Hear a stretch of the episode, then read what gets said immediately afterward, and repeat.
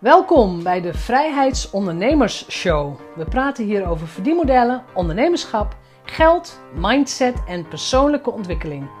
Ik ben jouw host, Jeanette Badhoorn, bedenker van het merk Vrijheidsondernemers, auteur, organisator van de Transatlantische Ondernemerscruise en online pionier. Welkom bij aflevering 140 en ik heb weer een, denk ik, indrukwekkende coaching on air voor jou klaarstaan. Ik heb gesproken met Kat Kolnot en we spreken natuurlijk over haar bedrijf en over haar producten, over storytelling en de dingen die zij aanbiedt. Maar uiteindelijk praten we het meest over geld. Zij heeft vorig jaar haar huis verkocht en ze vertelt ook heel openhartig. Ze heeft het huis verkocht, had ineens heel veel geld, is haar droom gaan leven, reizen en toch wel echt geweldige dingen doen. En ineens een jaar later is het geld op. Hoe kan dat? Dus we hebben het ook over haar geldarchetypes, haar geldpatronen en hoe dit haar leven beïnvloedt als ondernemer. Ik wens je heel veel luisterplezier. Welkom vandaag, Kat Kolnot. Zeg ik dat goed? Ja, sommige mensen zeggen Kolnot en sommige mensen zeggen Kolno. Het maakt mij niet zo uit. Is, is chiquer en ik weet dat jouw officiële voornaam Katelijne. Ja, mijn officiële voornaam is Katelijn, dat is uh, Vlaams. Ik kom niet uit Vlaanderen, maar ik heb een Vlaamse ja. uh, voornaam, ja. Ja, en ook een, een, mooie achternaam. Jij hebt je aangemeld en dat is natuurlijk heel erg dapper voor de Coaching on Air.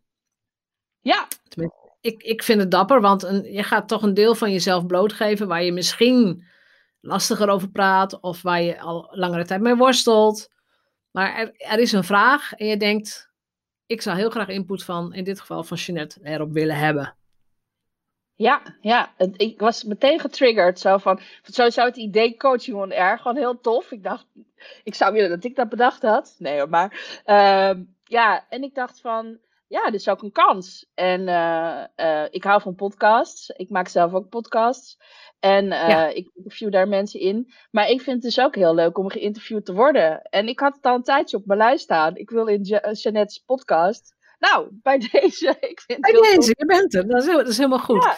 ja. Kun, jij, kun jij eens in een paar zinnen vertellen, sowieso, wat doe je, waar sta je voor en waar gaat jouw coachingsvraag over? Um, ja, Oeh. Nou, wat doe ik? Ik, uh, ik help ondernemers met het uh, vinden van hun uh, goud. Het vinden ja. van hun verhaal. En, en, goud zie ik dan als eigenlijk alle talenten, alles, ja, alles wat je in je hebt, alles wat je hebt verzameld gedurende je, je hele leven, maar ook je ondernemersreis natuurlijk. En ja, ik geloof heel erg in dat het de bedoeling is dat, dat je dat goud gaat delen. Uh, met de wereld. En uh, ja, ik ben er heel goed in bij mensen te, te zien wat het precies is, wat hun uniek maakt. En uh, ja. ik vind het leuk om met ze aan de slag te gaan, om, om erachter te komen van, ja, hoe kan je dat omzetten in een verhaal? Wat is eigenlijk dat verhaal wat jij te delen hebt en waar je mensen mee kan raken, waar je impact mee kan maken? En ja, dat zie ik als jouw goud. En ja, ik hoop dat meer mensen dat gaan delen. En het is ook de uitnodiging naar mezelf om dat ook te doen. En ja. Uh, ja, dus daar coach ik mensen mee, één op één coaching. En ik heb ook een online uh, uh, cursus in hoe je je verhaal kan vinden eigenlijk. Ehm, ja, dus dat doe ik. Ja, en dan, dan bedoel je met het verhaal delen, dat zijn meer de persoonlijke verhalen van jou als ondernemer, die bepalen waarom je doet wat je doet? Bijvoorbeeld, of, ja, het gaat heel okay. erg over je why en over ja ja, weet je, die, die dingen die jou als ondernemer uh, ook speciaal maken. En die ja. heel veel ondernemers denken dat hun verhaal niet boeiend is. Ja, uh, en dat is eigenlijk best wel logisch. Ik heb niet, Precies, ik heb niet geslapen onder de brug. Ik heb, ik heb niet zoveel nee. meegemaakt. Weet je dat? Nee, ja. weet je wel. Kijk, ik bedoel, sommige mensen hebben een heel uh, uh, verhaal van transformatie. En ja, en toen gebeurde er dit met, met toen zat ik in zak en as. En toen was ik bijna, zat ik aan de grond. En toen gebeurde er dit, kreeg ik een briljant idee. En toen ben ik binnengelopen en miljonair geworden. Ja. Kijk, heel veel mensen ja. hebben die verhalen helemaal niet. En ja, dat is natuurlijk het bekende Amerikaanse from rags to riches, hè, vanuit de lompen ja. naar rijkdom. Uh, ja, daar zijn, ja, ik, volgens mij zijn Nederlanders sowieso daar heel anders in.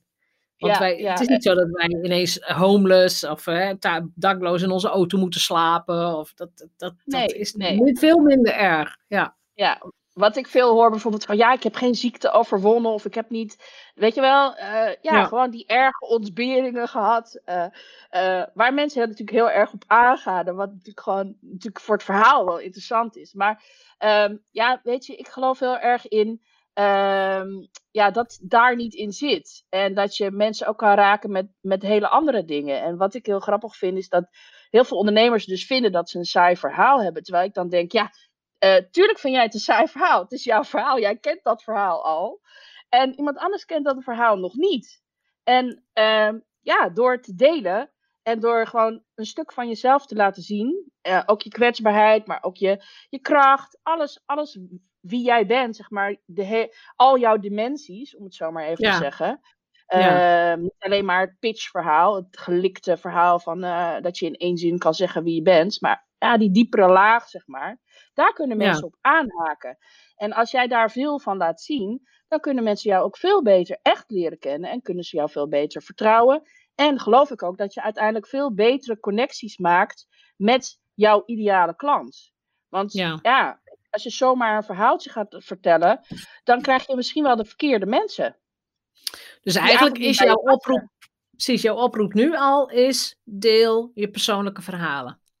Ja, ja, ja. Laat jezelf zien. hoe, hoe saai dat misschien voor jezelf ook zou zijn of klinken of wat dan ook. Ja. ja, ja. En ik vind het dan leuk om te kijken naar hoe kan je, hoe kan je daar dus een mooi verhaal van maken. En niet een mooier verhaal dan het is, maar wel een verhaal wat gewoon ja. ja. wat impact kan hebben. En dan vind ik het heel interessant. Heel veel ondernemers hebben ook schroom dan om het te gaan vertellen. En ik vind het leuk om ze ook te helpen om, ja, om die durf, dat lef te krijgen om het ook te gaan doen. Ja. Dus, het, dus het, is, ja, het is best wel het verhaal van eigenlijk eerst vinden van wie ben ik nou eigenlijk en wat zijn mijn unieke kwaliteiten. Naar dat ook daadwerkelijk uh, over, de, over de bühne brengen, in het voetlicht zetten. En dat is, ja. Uh, ja. dat hele proces, ja, dat vind ik zelf fascinerend. En dat is ook mijn eigen Ik denk dat het nodig is. Want ik, als het gaat over marketing, niemand houdt van marketing, ook niet van het woord. Het is allemaal gelikt of zo. Maar iedereen houdt van verhalen en iedereen houdt van, van persoonlijkheid en iemand gewoon beter leren kennen. Ja, ja. Nou ja. waar, ging jou, waar gaat jouw coachingsvraag over? Nou, mijn coachingsvraag gaat over een ding waar volgens mij, nou ja, in ieder geval mijn klanten ook en, en ook andere ondernemers die ik ken best wel mee worstelen, is um, je hebt een programma gemaakt of je hebt een dienst of een aanbod. Mhm. En uh, ja, hoe ga je dat nou verkopen? in mijn geval, ik heb dus een, een, een uh, online programma gemaakt. Daar heb ik heel lang over gedaan. Dat vond ik heel moeilijk om te bedenken van hoe moet dat eruit zien. En ik kan er voor andere mensen allemaal precies bedenken, maar voor mezelf vond ik het echt moeilijk. Dat komt ook uit mijn hart. Het is echt de kennis die ik verzameld heb de afgelopen jaren. En het heet Find Your Story Masterclass. Ik dacht, nou, het moet Masterclass heten, want dan ja, heeft het ook een niveau. Maar ik ging het dus verkopen voor 37 euro. En iedereen zei, ja, dat is veel te goedkoop. Maar ik vind het ook zo spannend om ja, te bedenken van, nou, sowieso, wat moet het dan kosten? En, en, en gewoon het verkopen aan zich. Um, ik zeg het tegen mijn klanten altijd van, je komt iets brengen, je komt niks halen. Maar ja, zelf vind ik het toch nog ook een soort spannend. Ja. En uh, ja, ik worstel er een beetje mee. Ja, ja, ja. Dus, ja. Dus eigenlijk zou jij je online product graag vaker willen verkopen en misschien ook tegen een andere prijs? Ja, ja, ja. Want ik heb er, ja, het is gewoon best wel een, uh, ja, het is een fors programma. In die zin, het duurt, het is twaalf modules. Ik had bedacht dat het zes weken moest duren, maar het schijnt dat ik, wat de feedback die ik gekregen heb van de mensen die in de try-out zaten, uh, was dat dat veel te veel is in zo'n korte tijd. Dus dat ja, mensen ja, ja, meer dus tijd kan niet in zes weken. Ja. Nee. En dat ze missen, dus ze missen een beetje mijn begeleiding. Uh, omdat het is bijna, ze moeten het eigenlijk bijna allemaal zelf doen. Ik heb allemaal hele lastige vragen voor ze bedacht over hun verleden, over de verhalen die ze zichzelf vertellen en over hoe ze in de, in, naar de toekomst toe een nieuw verhaal over zichzelf willen vertellen. Dat gaat natuurlijk ook over mindset, dat gaat over zoveel verschillende dingen. En dat is best wel, ja, heel, heel diep is het. En het is best wel, ja, het is veel werk, denk ik. En, het is veel werk. Uh, nou ja, als je zegt twaalf modules, dan de, nou ja, weet je, ik coach heel direct, hè? Dus dat, dat, Ja, ja, dat- iedereen die mij niet kent, even. Toen- De term masterclass is bij mij een eenmalig event. Dus een keer twee of Ah. drie uur. Je luistert naar iemand, je leert iets van iemand. En dan ben je weer weg. Dus het is echt een klas, echt een eenmalig gebeuren. Oké. Ehm, wat jij beschrijft, 12 modules, veel huiswerk, veel en ook veel content, dan is het gewoon, dat is geen masterclass. Dat is gewoon een soort curriculum. Dat is een, een, een, een nou ja, een, een, bijna een, een heel semester aan, aan werk, om het zo te zeggen. Of een heel kwartaal. Als je zegt, nou, ze doen, moeten eigenlijk 12 weken erover doen, ja, dan ben je al met een kwartaal bezig. En misschien is zelfs 12 weken al eh, ambitieus. Dus dan zouden ze Ja. er 24 weken mee bezig zijn. Dan zit je al op een half jaar. Om het echt goed te doen, te implementeren enzovoort. Dus ik denk dat jij je sowieso tekort doet door die term te gebruiken. Ja, ja. Terwijl ik dus dacht, oh dat is slim, want dat klinkt zeg maar een beetje, dat heeft een beetje cachet, maar je, Ja, ik begin er ja. steeds meer achter te komen van masterclass is, dat is inderdaad iets van waar ik zeg maar een soort les geef eh, voor een groep of dat je even een soort Ja. van, ja inderdaad een, een paar masterclasses over een specifiek thema en that's it.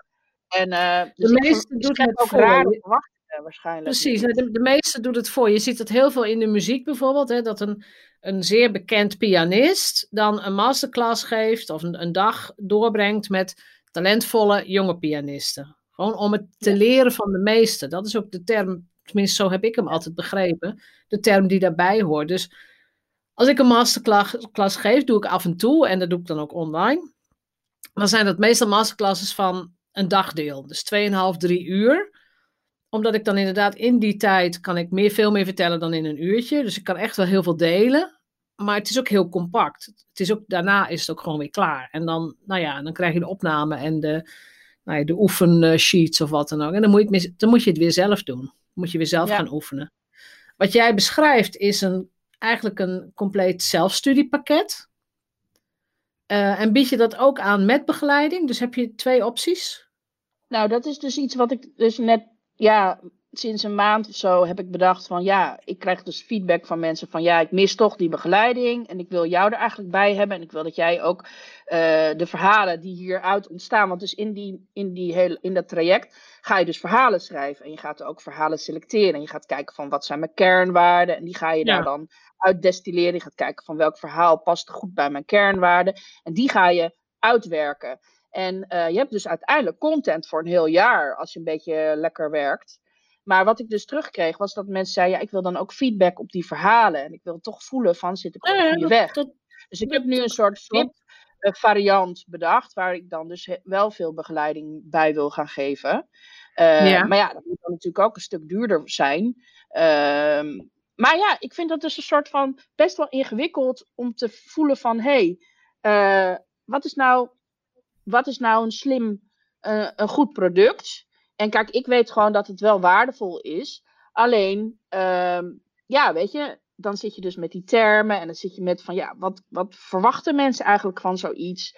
En in hoeverre zijn ze in staat om het allemaal zelf te doen en waar moet ik begeleiden? Ik heb, dit is de eerste keer dat ik dit op deze manier doe, dus het is voor mij echt best wel nieuw. Je hebt nu één, één ronde eh, proef gedraaid, om het zo te zeggen. Ja. Ja, ja, ja. Het zijn twaalf modules. Die verkoop je nu voor. Hij staat nu voor 147 op je website. Ja, ja, ja. Want Ja. die heb ik er even bij. Wat gebeurt er met jou intern als ik zou zeggen van. ehm, prijs zou minimaal 12 keer 50 euro moeten zijn? Dan zit je op 600 euro. Ja, ik denk dat dat wel meer eh, matcht met het werk wat het voor mij heeft, eh, is geweest. En ik denk dat het ook wel matcht met ehm, ja, wat je ermee kan. Ik bedoel, zo waardevol is het zeker als je er vol voor gaat. Ja. Maar ik vind het ook een soort van dat ik dan denk, ja, jeetje, het is wel geld. ja, ga jij dan nadenken over het feit dat, dat andere klanten misschien hier geen geld voor over hebben? Ja, daar denk ik wel over na. Ik vind dat ik daar niet over na moet denken, maar er zit dus onbewust wel een soort van. Ja. Ja, nou, noem Zit het een blokkade of weet ik wat. Er zit wel iets dat ik denk, ja, en ik, het is niet aan mij om het te bepalen voor ze, maar toch doe ik het. En toch denk ik, ja, maar wat, wat levert het mij houden. Als ik wel die twaalf weken gewoon helemaal doorga en ik doe, ik doe heel braaf mijn opdracht, ik ga het allemaal toepassen. Ehm, wat zou het mij opleveren als klant?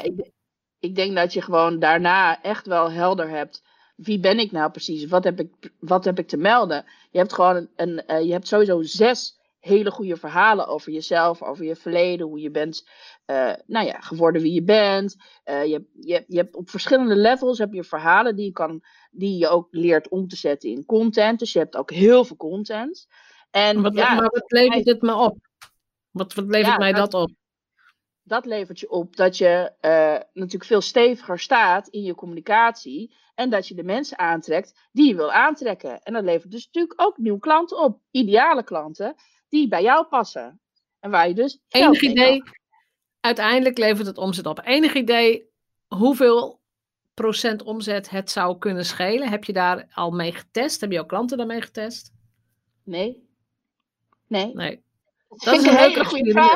Want zover, weet je wat het punt is met mij? Ik ben heel erg van de. Uh, ik ben sowieso niet zo heel goed in lange termijn denken. Dus uh, ik ben heel erg. Ik leef bij de dag. Dus ik vind het sowieso heel moeilijk om na te denken dat ik iets maak wat voor lange termijn uh, geldig is. En ja. um, dit, deze vraag van jou is dus heel erg goed. Want ik zit echt zo van. Oh, daar heb ik echt helemaal niet over nagedacht. Ja, het ik is dus eigenlijk steeds het, het resultaat van het resultaat van het resultaat van het resultaat. Want uiteindelijk, als jij je zes stories hebt, dus je, je origin story en weet ik veel hoe die dingen allemaal heten, ja. Uh, die kun je in elke presentatie uh, op je website, die kun je overal gebruiken. Maar stel dat ik jou 600 euro heb betaald, ik noem maar iets. Maar mijn website en mijn verhalen en mijn mails en mijn blog zijn zoveel beter geworden dat ik het jaar daarna 20.000 euro meer omzet heb. Dan is die investering een complete no-brainer. Ja, klopt. Dus dat moet je uiteindelijk van je klanten ook gewoon gaan weten. Van, het is geen hobby. Je hebt dit gedaan, je hebt het, hebt het beschreven, je hebt het gebruikt op je website. Um, ik wil gewoon wat, wat, nou ja, harde cijfers klinkt een beetje hard naartoe. Maar ik wil gewoon eens even weten, wat, wat levert het je op? Want heel veel ondernemers, en daar ben je niet uniek in, blijven te veel hangen in, een, in de eerste, beetje de subresultaten. Ja, dan krijg je meer zelfvertrouwen en je hebt je verhalen. Ja, zelfvertrouwen kun je niet in de kast hangen. Weet je, dat, een leuke verhalen leuk, maar wat doen ze voor je? Ja, ja. Ja. Dus het is steeds nadenken, oké, wat levert dat op? Wat levert dat op? Wat levert het op? Net zolang, uiteindelijk kom je uit bij geld. Dat is heel vaak een heel goed resultaat. en, een, en, een, soort inner peace. Dus rust of overzicht. Dat zijn vaak de twee topresultaten. Ja, ja, mooi, mooi. Dus dat is gewoon huiswerk. Ja, ja. En een hele goede reminder, want ik voel dat wel dat dat zo is. Maar toch vind ik het een soort van, ja, weet je, dat vergeet ik dan dus. Omdat ik inderdaad te veel bij het begin blijf. Het resultaat van het resultaat. Ja, daar ben je niet uniek in hoor. Dus mensen die nu ook luisteren, ga, doe ook dat riedeltje. Hè? Wat is het gevolg van het gevolg van het gevolg van het gevolg? Ja. Um, en dan nog iets naar, over, hè, als het gaat over investering investeren in een product, in dit geval in jouw product, uh, commitment en resultaat. En ik weet dat dit voor heel veel mensen echt lastig is om gewoon met droge ogen te zeggen. Maar als jij heel veel geld voor jou dan, heel veel is hartstikke subjectief, hè, maar als jij heel veel geld investeert in een training of in begeleiding, dan zal ook jouw commitment evenredig hoog zijn. Met andere woorden, als ik een training koop van 150 euro of 147 euro, en het is, dat zou voor mij een heel laag bedrag zijn voor een training. Ik doe de eerste twee, drie weken gewoon leuk mee. Er komt weer wat tussen. Ik vergeet de training, maar ik heb er totaal geen financiële pijn van. Als ik diezelfde training bijvoorbeeld met jouw begeleiding als VIP zou kopen voor 3000 euro, wat al een veel substantiëler bedrag is voor business coaching of begeleiding, uh, en bovendien, ik heb jouw begeleiding, dus ik heb afspraken met jou. Dan is mijn commitment ook 3000 keer zo hoog. En ja. um, ik, daar is ook een, een, een andere podcastaflevering over om. Maar hoe hoger de investering is, en dat is gerelateerd aan jouw geldthermometer. Hè? Want wat voor de 1000 euro is, is voor de ander 10.000. Maar hoe hoger jouw investering is, hoe gemotiveerder die klant is om er een succes van te maken. Dus als jij iets maakt, in dit geval jouw online programma of je online training, uh, dat maak je niet als hobby. Jij wilt ook dat jouw klant daar succesvol mee gaat zijn. Dus de tegenprestatie van die klant is uh, de financiële investering en daarna de motivatie en het commitment. Ja. Maar die investering is vaak nodig om mensen in beweging te krijgen. Want um, ik merk het zelf ook, hè, als ik investeer in een business coach en ik moet ineens heel veel duizenden euro's tegelijk overschrijven. Op het moment dat ik dat doe, heb ik al besloten dat ik 100% voor dit programma ga. Want anders zou het zonde van mijn geld zijn. En dat, daar, daar, daar kan ik niet tegen. Het is geen hobby. Dat zeg ik dan. Dus, ja. is het ook, ik ga all in. Ik ben bij alle calls. Ik doe mijn huiswerk. Ik luister. Ik implementeer. Ik vraag feedback. Ik ga met mijn billen bloot enzovoort. Want anders zou ik het niet doen. Maar bij een product van, nou ja, alles onder de 1000 euro, denk ik van, nou ja, leuk en aardig, maar goed. Um, ik heb er nu geen tijd voor. Ik kijk later wel eens een keer dan is het veel gemakkelijker om af te haken. Ja. Dus je doet je klant, en dat is voor iedereen die luistert, je doet je klant een plezier als je prijzen vraagt waar in elk geval die klant weerstand bij voelt. Ja. Dat, ja, dat, dat, je leest dat heel vaak over high-end werken. Want iedereen denkt bij high-end, dan moet het ook met alle toeters en bellen enzovoort. Maar het gaat om de beleving van die klant. Dus als je inderdaad zegt van ja, hij kost nu 147 euro en hij verkoopt nog niet eens heel, zo heel gemakkelijk. Het zou best kunnen zijn dat als je zegt van nou, hij kost uh, eh, 597, dat hij ineens beter gaat verkopen. Want dan verwachten mensen ook meer kwaliteit, meer diepgang, meer modules. Ja, ja. Bedoel, en als ik naar de, dat voel ik ook wel hoor. Dat, ja. ja. Ja, en ik probeer het altijd met metaforen ook duidelijk te maken. Als ik nu nieuwe schoenen nodig heb en ik ga naar, gewoon naar een hele goede schoenenwinkel. En dat zijn allemaal schoenen van eh, tussen de 150 en 200 euro. En je kunt voelen dat het kwaliteit is. Maar er is ook een rek met schoenen van, van 10 euro. Uh, je zou ze zelfs kunnen voelen. Maar mijn hoofd denkt al: oh, die kunnen nooit zo goed zijn. Dat kan niet. Dat kan geen kwaliteit zijn.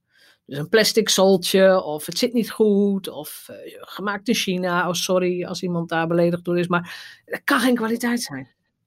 Ja. Snap je wat ik bedoel? Mhm. Dus met, dat hebben, en dat hebben wij heel erg. Ieder mens heeft dat onbewust. Als je meer betaalt, is de kwaliteit hoger. Terwijl het hetzelfde product kan zijn. Ja, ja. ja. ja.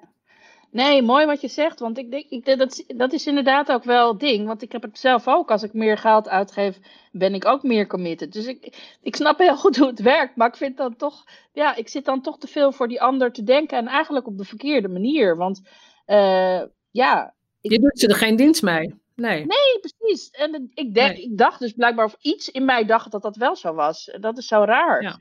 Het is een heel gekke uh, nou ja, een soort oud verhaal wat ik mezelf eigenlijk uh, ergens een keer verteld heb. En wat een overtuiging die er niet zo makkelijk uitgaat, merk ik.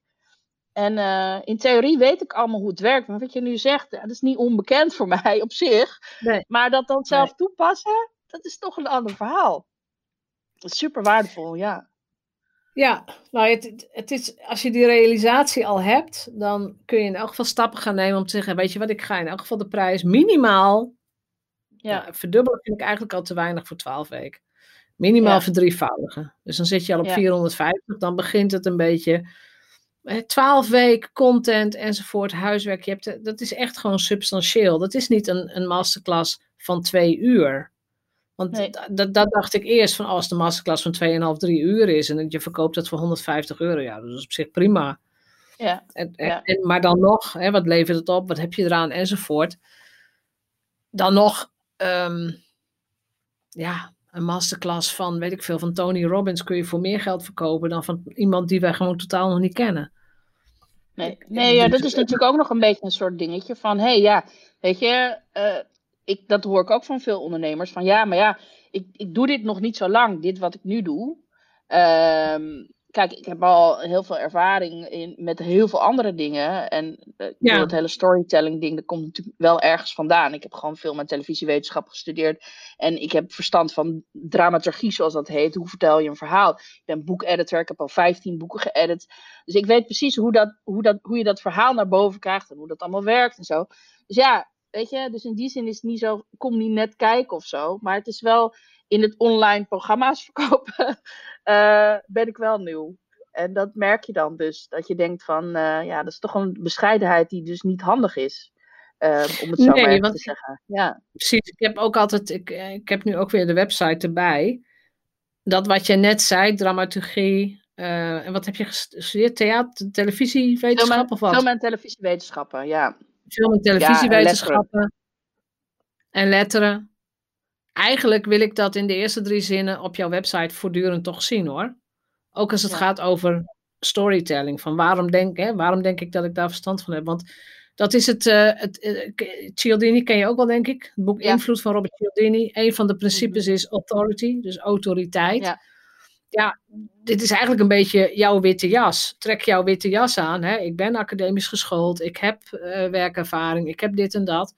Dan hoef ik daar niet meer over te twijfelen. Ja. En dan, nou ja, dan, dan kun je sowieso je prijs al meteen verdubbelen. Um, en dan ga je gewoon ook vertellen de jaren ervaring die je hebt. Dus de boeken die je geëdit hebt. Maar ook misschien in voorgaande banen. Ik, ik weet niet, heb je banen gehad? Nou ja, die niet zo heel veel op zich. Nou ja, ja, dat is raar. Ik dacht altijd dat het niks met elkaar te maken had. Maar het heeft uiteindelijk allemaal met verhalen te maken. En dat komt dan ook wel in mijn verhaal naar voren. Nee, ik, heb, ik, heb, ik, heb, ik ben bijvoorbeeld heel lang directiesecretaresse geweest. Dat heeft op zich niks met storytelling te maken, behalve dat advocaten pleidooien houden voor de rechtbank. En dat dat eigenlijk een hele story is. En dat dat, ja, weet je, dus daar, dat, dat trok mij daar ook altijd heel erg aan in dat, in dat beroep. Verder vond ik het niet zo boeiend. En ik heb me daar heel veel bezig gehouden met social media en online zichtbaarheid. Dat is een van de eerste advocatenkantoren op Twitter. Nou, dat was best leuk. Weet je wel, dat soort dingen. Maar goed, ja, oh, dat is een heel ander verhaal. Maar, nee, maar dat, eh, zijn wel dingen die bijdragen aan jouw geloofwaardigheid. Ja, dat je gewoon ook weet waar je het over hebt. Want als je iets wilt verkopen, maar mensen vertrouwen jou niet, ja, dan is het sowieso lastig verkopen. Ja. Ja, dus, klopt. Zullen we jouw geldblokkade eens gaan bekijken? In de zin van, eh, hoe zit jij in je geldthermometer? Want dat is, dat is wat heel veel mensen natuurlijk wel hebben. Iedereen maakt beslissingen vanuit zijn eigen identiteit. En dat weet je heel vaak niet. Dat is een soort onbewust proces. Maar je, je kunt alleen maar redeneren vanuit je eigen perspectief. En heel vaak heb je andere mensen nodig die zeggen van nou, als je nou eens hier gaat staan, heb je een heel ander perspectief. Dus dan kijk je heel anders naar zaken. Dat is ook de reden waarom ik altijd zeg: zorg dat je wel een business coach hebt, of dat je in een groep zit of in een mastermind. Want heel vaak kun je dat niet alleen bedenken. Ik ook niet. Dat gaat gewoon niet. Nee, dus wat, wat, is, wat, zou jou, wat zou een deel van jouw geldverhaal zijn waardoor jij denkt, dat wat ik maak, moet heel erg betaalbaar zijn? Um, nou, ja, ik kan wel wat dingen bedenken. Um, ik ben uh, um, kind van kunstenaars. En uh, opgegroeid met uh, een vader die een eigen bedrijf had in de jaren tachtig. hij was een fotograaf en lijstenmaker. En hij is failliet gegaan. En toen was ik acht en werden alle spullen uit het huis gehaald. En daarna ging het, ging het, was het behoorlijk crisis. In de brede zin van het woord. En uh, het heeft zoveel uh, impact gehad. Dat uh, ja, ik heb daar jarenlang superveel last van gehad. En ik heb dus ook het soort geloof gekregen van. Ja, weet je, hoe hard je ook werkt. Het kan gewoon helemaal zomaar misgaan. En Um, wat ik ook meegekregen heb qua geldovertuiging is, um, uh, je moet super hard werken voor je geld. Je moet echt keihard zweten.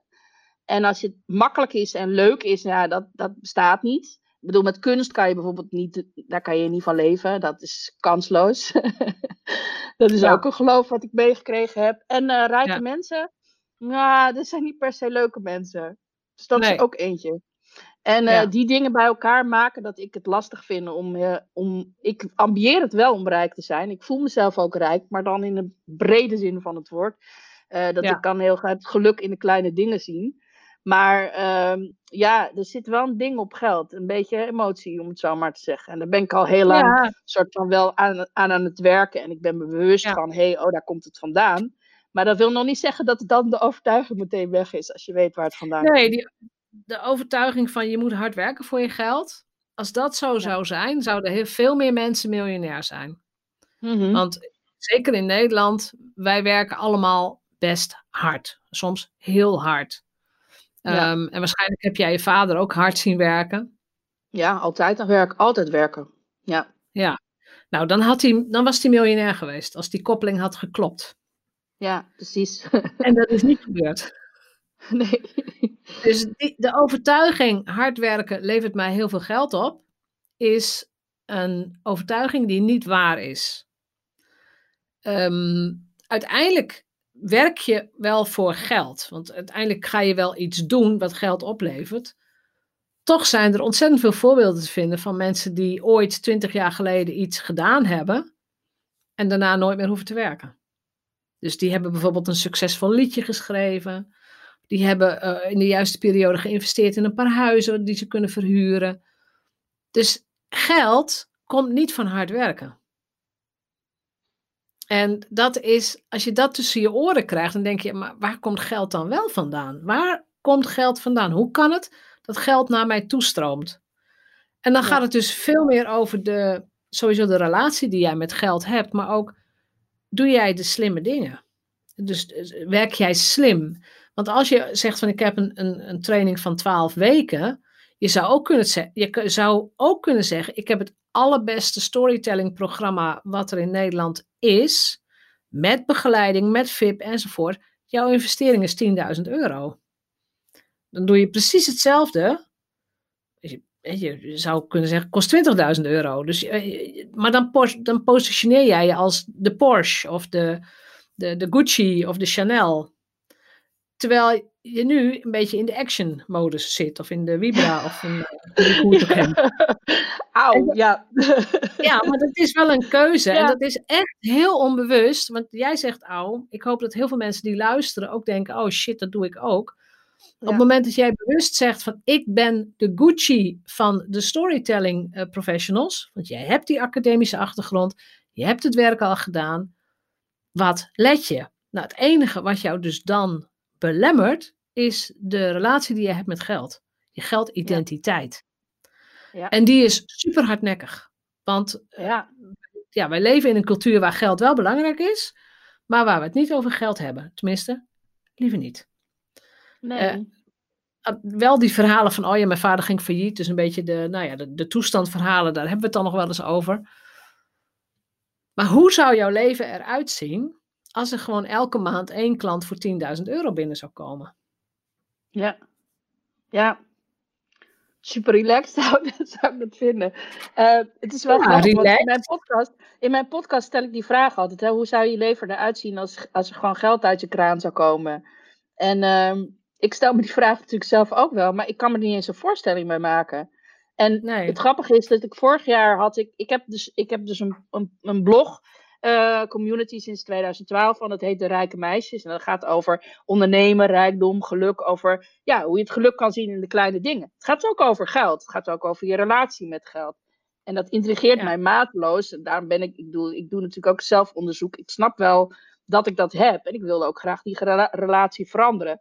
En vorig jaar heb ik een rigoureuze beslissing genomen om mijn huis te verkopen en uh, uh, mijn spullen allemaal weg te doen en mijn droom te gaan najagen. Mijn droom was altijd om ehm, te reizen en vanuit mijn koffer te leven en in hotels te wonen.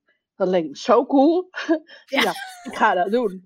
En dan ga ik een online programma maken en dan ga ik, uh, ja, dan ga ik passief inkomen hebben en dan komt het allemaal ja. goed. En ja. uh, daar had ik niet echt heel erg over nagedacht. Ik had gewoon gedacht, ja, ik ga dat nu doen, punt. En uh, if not now, when, zeg maar dat gevoel. Ja, dat en, idee, dat klopt. Ja. En toen had ik dat dus gedaan. En toen had ik best wel een lekker spaarcentje. Had ik, uh, en dat is dus gewoon, ja, ik heb dat gewoon wel leuk gespendeerd. Ik heb dus in hotels gewoond, dat is best wel duur. Uh, het was heerlijk. Ik heb heel veel gereisd. Ik heb allemaal seminars in het buitenland gevolgd. Allemaal toffe dingen gedaan. Ik heb uh, online programma's gekocht van weet ik van wie allemaal. Niet van jou, sorry, Jeannette. Volgende keer, beloofd. Komt vanzelf. Maar ehm, ja, wel echt gewoon eh, ja, in mezelf geïnvesteerd. En ja, in mijn droom, om het zo maar te zeggen. En, Ja. eh, maar wat er dus heel grappig aan was, is dat ik dus eindelijk een keer kon voelen van hoe is dat dan als je dan eh, ja, zoveel geld per maand hebt en eh, daar niet over na hoeft te denken. En het dus ja, een soort gevoel dat het uit de kraan komt. Eh, ja, ik vond het dus heel ingewikkeld. En eh, ik wist Ja. niet hoe snel ik er vanaf moest komen. Ik vond Precies, je echt hebt wel je best gedaan om dat geld goed te laten rollen, ja. Zeker, zeker, Ja. zeker. Ja, ja, ja. En ik dacht elke keer wel in mijn hoofd, zei wel zo'n, er was ook een verstandig stemmetje die zei van, ja, misschien moet je wel een beetje achter de hand houden en je moet dit. En na een jaar kwam ik er dus eigenlijk achter, nou, dat leven als digital nomad, wat ik dan bedacht had, dat was helemaal niet voor mij. Ik verlangde echt wel weer naar een plek. Die heb ik ook gelukkig weer gekregen. Dus ik heb nu weer een stabiele basis. En het is allemaal weer wat overzichtelijker. En ik, ik heb ook in dat hele jaar amper de tijd genomen om met dat online programma aan de slag te gaan. Omdat ik was gewoon afgeleid door het reizen en door de seminars en toffe dingen. En veel te veel input en weinig ruimte om te implementeren. Maar Ja. ik vond het zo leerzaam, omdat ik dus merkte van, het gaat dus niet over het geld. Het gaat helemaal niet over geld. Nee. Maar, ehm, maar wel over, mag je het houden? Mag, het, he- mag je het hebben? Maar, eh, hoort het bij jou? Ja, Ja. ja. mag je het wel ontvangen? En mag, je, Ja. en mag het, nou ja, ik geloof ook heel erg dat geld energie is. En die is ook wel weer interessant. Want waar ik dus ook achter kwam, is omdat ik ben al sinds 2005 eh, heb ik chronische leukemie. En ehm, ja, dat gaat over energie. Ik heb heel vaak Ja. niet zoveel energie. Dus energie is voor mij wel een groot ding. Ik zou er graag meer van willen. En Ja. ehm, ik ben ook heel lang gefocust geweest op dat ik geen energie had. En wat je aandacht geeft, groeit. Dus ik werd steeds, eigenlijk werd ik heel moe. En ik Ja. ben ook heel lang gefocust geweest op dat ik geen geld had. Want met geld omgaan heb ik nooit geleerd, want geld was heel eng. Dus ik, ja, ik vond ook, weet je wel, dus maar als Ja. geld energie is, dan snap ik dus ook helemaal waarom ik dat probleem heb, snap je? Nou ik ja, dat, dat zit, veel dat zit beide. Die overtuigingen zitten allebei op identiteitsniveau. Van, hè, ik, ik Ja. ben chronisch leukemiepatiënt. Ehm ik ben, nou ja, van binnen eigenlijk toch meer arm, als het even over geld gaat dan. Hè. Als je die overtuigingen, als je die ident- identiteit gaat veranderen, dan gaat dat gepaard met heel veel wrijving. Dat gaat gepaard met heel veel ongemak, heel veel weerstand. Ja. En juist dan, op het moment dat je die weerstand voelt, juist dan is zelfonderzoek en vaak ook begeleiding van iemand anders daarbij heel erg nodig. En ik bedoel, ik, wat ik heel erg in jou waardeer is dat je zegt, ik heb gewoon mijn droom een jaar lang geleefd. Fantastisch. Als je morgen dood neervalt, dat geldt voor ons allemaal trouwens. Als je morgen dood neervalt, moet je nergens spijt van hebben. Moet je gewoon ge- het leven geleefd hebben zoals je het wilt leven. Ja, ja, En dat is ook, nou ja, in jouw geval is het heel erg koppelbaar aan de zin, in de zin van, oké, je hebt een chronische ziekte. Wie zegt dat jij 80 wordt? Dat weet je niet. dat, dat weet niemand. Maar goed, ja, ik voel het wel harder of zo op een of andere Ja. manier. Of ergens zit wel dat Ja. stemmetje van, ja, ik moet nu leven, ik moet nu genieten. Want eh, ja, eh, voor mij is het dan een soort wel concreet van, ja, ik weet niet of er morgen is. En Dus dan moet ik me ook zo gedragen. En dat zie je dus ook in mijn, in mijn financiële niet-plannen. Dat zie je ook precies. Ook in je geldgedrag. Maar Ja. eigenlijk zou dit wel een, iets moeten zijn, ik vind ik in elk geval, als mens, dat je elke dag leeft alsof het je laatste dag is. Ik bedoel, ik voel me bijna André Hazes, maar Ja. Want je weet, ik weet ook niet of ik 80 word. Ik weet niet wat er gebeurt. Dus als jij steeds je leven blijft uitstellen, ja, dan, dan, nou ja, dat is een beetje een klassieke verhaal. Dan ga je de eerste dag dat je met pensioen gaat, val je, dan val je dood neer. Heb je er nooit van genoten? Dus dat willen we niet. We willen een gezonde balans tussen financieel, nou ja, zeker zijn of gewoon het ons fijn voelen. Plus ook de mogelijkheden willen hebben die wij in het leven belangrijk vinden. En voor de een is het reizen, voor de ander is het eh, seminars volgen. Weer iemand anders wil, weet ik veel, wil tien huizen kopen, ik noem maar iets. Maakt niet uit. Maar het gaat erom wat je zelf ermee zou willen. Ja. En het is wel interessant, we hebben ook jouw geldarchetypes er nog even bij gezocht. Oh ja. Voor de mensen die geen idee hebben wat de geldarchetypes zijn. Daar zijn andere podcastafleveringen over. Je kunt ook via mijn website de gratis geldarchetype test doen. Maar in jouw geldarchetype top 3 komen twee profielen voor die eigenlijk heel erg van geld houden. En er eigenlijk ook het liefst, ehm, nou ja, op zitten, om het zo te zeggen. Dat zijn de verzamelaar en de heerser. Dus op nummer 1 heb jij de verzamelaar, op nummer 3 de heerser. Maar ze schelen maar één puntje. Dus de, verzamelaar, de verzamelaar houdt geld graag bij zich en geeft het ook liever niet uit. Dus dat is echt het zekerheidstype. Uh, dus dat stemmetje, wat je steeds hoort van, oh je moet niet alles uitgeven en een buffertje enzovoort, dat is de verzamelaar. Maar die verzamelaar is helemaal gecrushed door jouw andere archetype, wat ook op nummer 1 staat, dus beide even hoog, dat is de romanticus. Allebei 27 punten, dus dat is best een hoog score. En die romanticus heeft maar één doel en dat is genieten van het leven. En die romanticus, zeker als je erge dingen mee hebt gemaakt in je leven, dus dat kan uh, rouw zijn, het verliezen van iemand, maar het kan ook een ziekte zijn. Die romanticus wordt dan vaak heel sterk. Die zegt dan ook letterlijk, ja, maar dat heb ik verdiend. Ik weet niet of ik 80 word. Jongens, geld moet rollen. Dat is ook echt een romanticus uitspraak. Dus die heb jij het afgelopen jaar helemaal geleefd. Ja. Die was heel gelukkig. Ja. ja. Die heeft genoten van het leven, het genoten van het zijn in een hotel, van de mooie dingen, het feit dat je in een vliegtuig kon stappen, weet je, dat, lekker, fijn. Het is trouwens ook goed dat je het vorig jaar gedaan hebt, want nu had het ook niet meer gekund. Ja, precies. Ik heb het zo goed getimed, echt briljant. ja. Alsof ik het wist. Alsof je het wist. Ik denk wat de truc voor jou gaat zijn, is, ehm, en dat is wel heel fijn als je zegt, ja, maar ik geniet ook echt van de kleine dingen. Dat, daar ben ik al vanaf 2012 mee bezig. Dat, dat blijf je toch doen, omdat die romanticus hoog is. Maar jouw nummer drie archetype, de heerser, dat is het archetype wat met jou je bedrijf kan opbouwen. Want de heerser, en het, als je de omschrijving gaat lezen, de heerser wil een imperium opbouwen. Nou, veel mensen interpreteren dat dan als ik wil 100 vestigingen of ik ben de CEO met 500 personeelsleden. Dat hoeft niet zo, helemaal niet zo te zijn. Het gaat mij erom dat je een bedrijf opbouwt waar voldoende geld binnenkomt. Gewoon lekker. En waar jij de baas bent zodanig dat je daar super blij van wordt. Dus als dat betekent dat jij ongeveer een uur of twee uur per dag wilt werken, maar niet meer, dan is dat jouw imperium. En waar de heerser heel erg goed in is, is dat het ook een imperium is voor de klanten. Dus de, de heerser gaat heel erg uit van win-win. Dus ik doe veel voor de klanten. Ik, ze krijgen veel kwaliteit. Ik lever wat ze, nou ja, wat ze nodig hebben als het ware. Maar ik stel wel heel erg mijn grenzen. Daar is de heerser ook veel beter in. Er zijn ook archetypen zoals een verzorger en een verbinder. Die gaan over hun eigen grenzen heen. Als de klant piept, dan rennen ze al, bij wijze van spreken. En de heerser heeft zoiets, nee, het is win-win. Mijn twee uur zijn voorbij. Ik ga vanmiddag iets anders doen. Ik ga een ommetje, ik ga wandelen, ik ga sporten, ik weet ik veel. Dus het is voor jou nu zaak, in, deze, in dit stadium van je bedrijf, dat je die heerser aan het werk gaat zetten. Ja, ja, dat voel ik ook heel sterk hoor. Ik voel ook heel erg sterk van, dit is het begin. Want ik heb, ja, ik bedoel, voor, voordat ik mijn huis verkocht, had ik een, uh, zeg maar, samenwerking met een partner. Toen hadden we een hartstikke leuk businessmodel waarin we bedrijven hielpen met hun social media strategie en al die dingen. Ik kreeg gewoon een vast bedrag per maand binnen. Dat was allemaal heel lekker. Dat was mijn zekerheidstype, uh, uh, die vond dat fantastisch.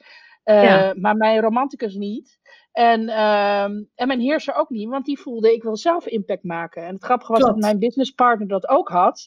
Dus, dus daarom moest ook deze transitie gemaakt worden. Maar ik ben eigenlijk opnieuw begonnen. En ja. uh, ik moet het nu weer helemaal opbouwen, eigenlijk vanaf, vanaf het begin.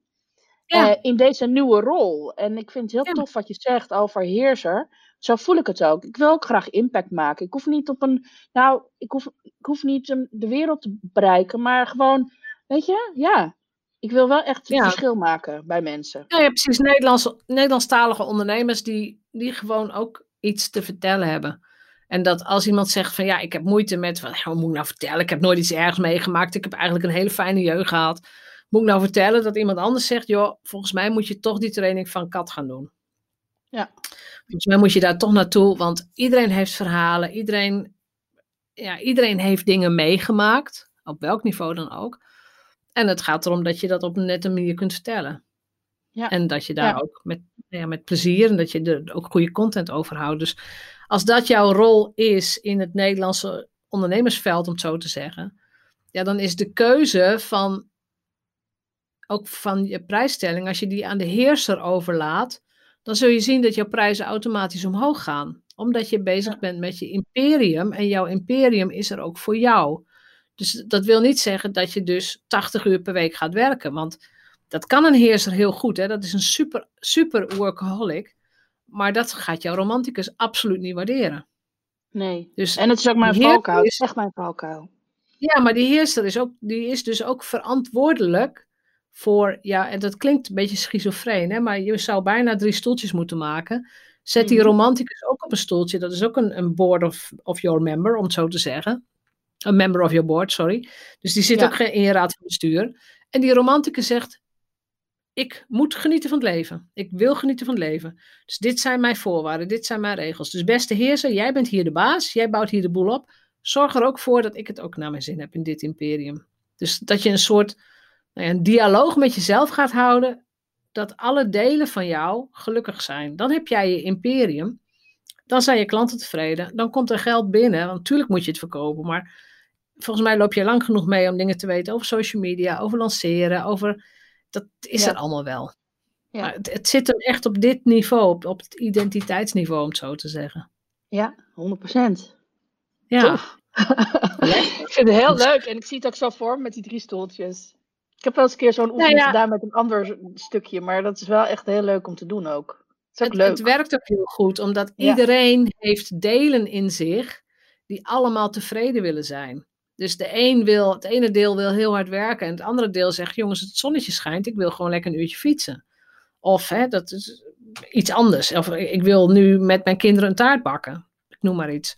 Dus het is heel belangrijk dat je ook erkent dat verschillende delen in jou ook verschillende eisen en wensen hebben.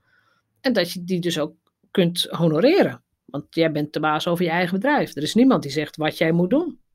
Nee. Dat is zo lekker van het ondernemerschap. Maar het is zo gaaf, ja, zeker. Daar, daarom zou ik ook nooit meer terug kunnen naar, naar daarvoor. Echt never ever. En die vrijheid eh, om die keuzes te kunnen maken. Oh, dat is zo lekker. Ja. ja. Helemaal mee eens. Heb jij nog een, een laatste vraag? want we zijn zo'n beetje door de tijd heen. Heb je nog een laatste vraag, laatste opmerking? Wat ga je doen nu? Nou, ik ga eerst eens eventjes luisteren naar die heerser, wat hij allemaal te melden heeft. En dan gaan we denk de prijs maar eens eventjes aanpassen. En dan gaan we, ja, dan gaan we het eens even goed verkopen. En uh, ik ga heel erg ook aan de slag met, die, uh, met dat uh, resultaat van het resultaat van het resultaat dat vind ik ook echt een hele goede tool. En ik ben eigenlijk best verbaasd dat ik daar nooit over nagedacht heb. Maar dat is echt heel grappig. Soms kan je zo blind zijn voor je eigen dingetjes. Ja, ik kan andere mensen er zo goed mee helpen. Maar ja, het is, het is echt, je hebt ook nodig dat andere mensen ook even met jou meekijken. Dus ik ben hartstikke blij met dit, uh, Jeanette. Echt super. Graag gedaan. En als, als ik jou was, zou ik ook een speciaal hoekje in jouw huis maken. Een soort altaartje uh, voor geld. Dat geld hmm. zich te alle tijden bij jou super welkom gaat voelen. Cool. Dus een, een mooi, mooi bakje of een mooie portemonnee of uh, iets waarvan geld denkt, oh, dat is fijn, daar wil ik zijn. Wat leuk. I love it. ga ik zeker doen. ga ik zeker doen. Leuk. Ja, echt tof. Goed. Ja. Dankjewel. Nou, dankjewel. Jij bedankt. Bedankt voor het luisteren naar de Vrijheidsondernemers Show. Geef de show een review op iTunes. Als vrijheidsondernemer werk je waar, wanneer en met wie jij wilt. Dat gun ik jou ook. Ik weet dat het kan.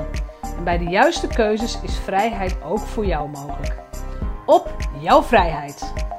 Oh ja, laat een review achter op iTunes. Abonneer je op deze podcast. En laat mij weten wat je ervan vindt.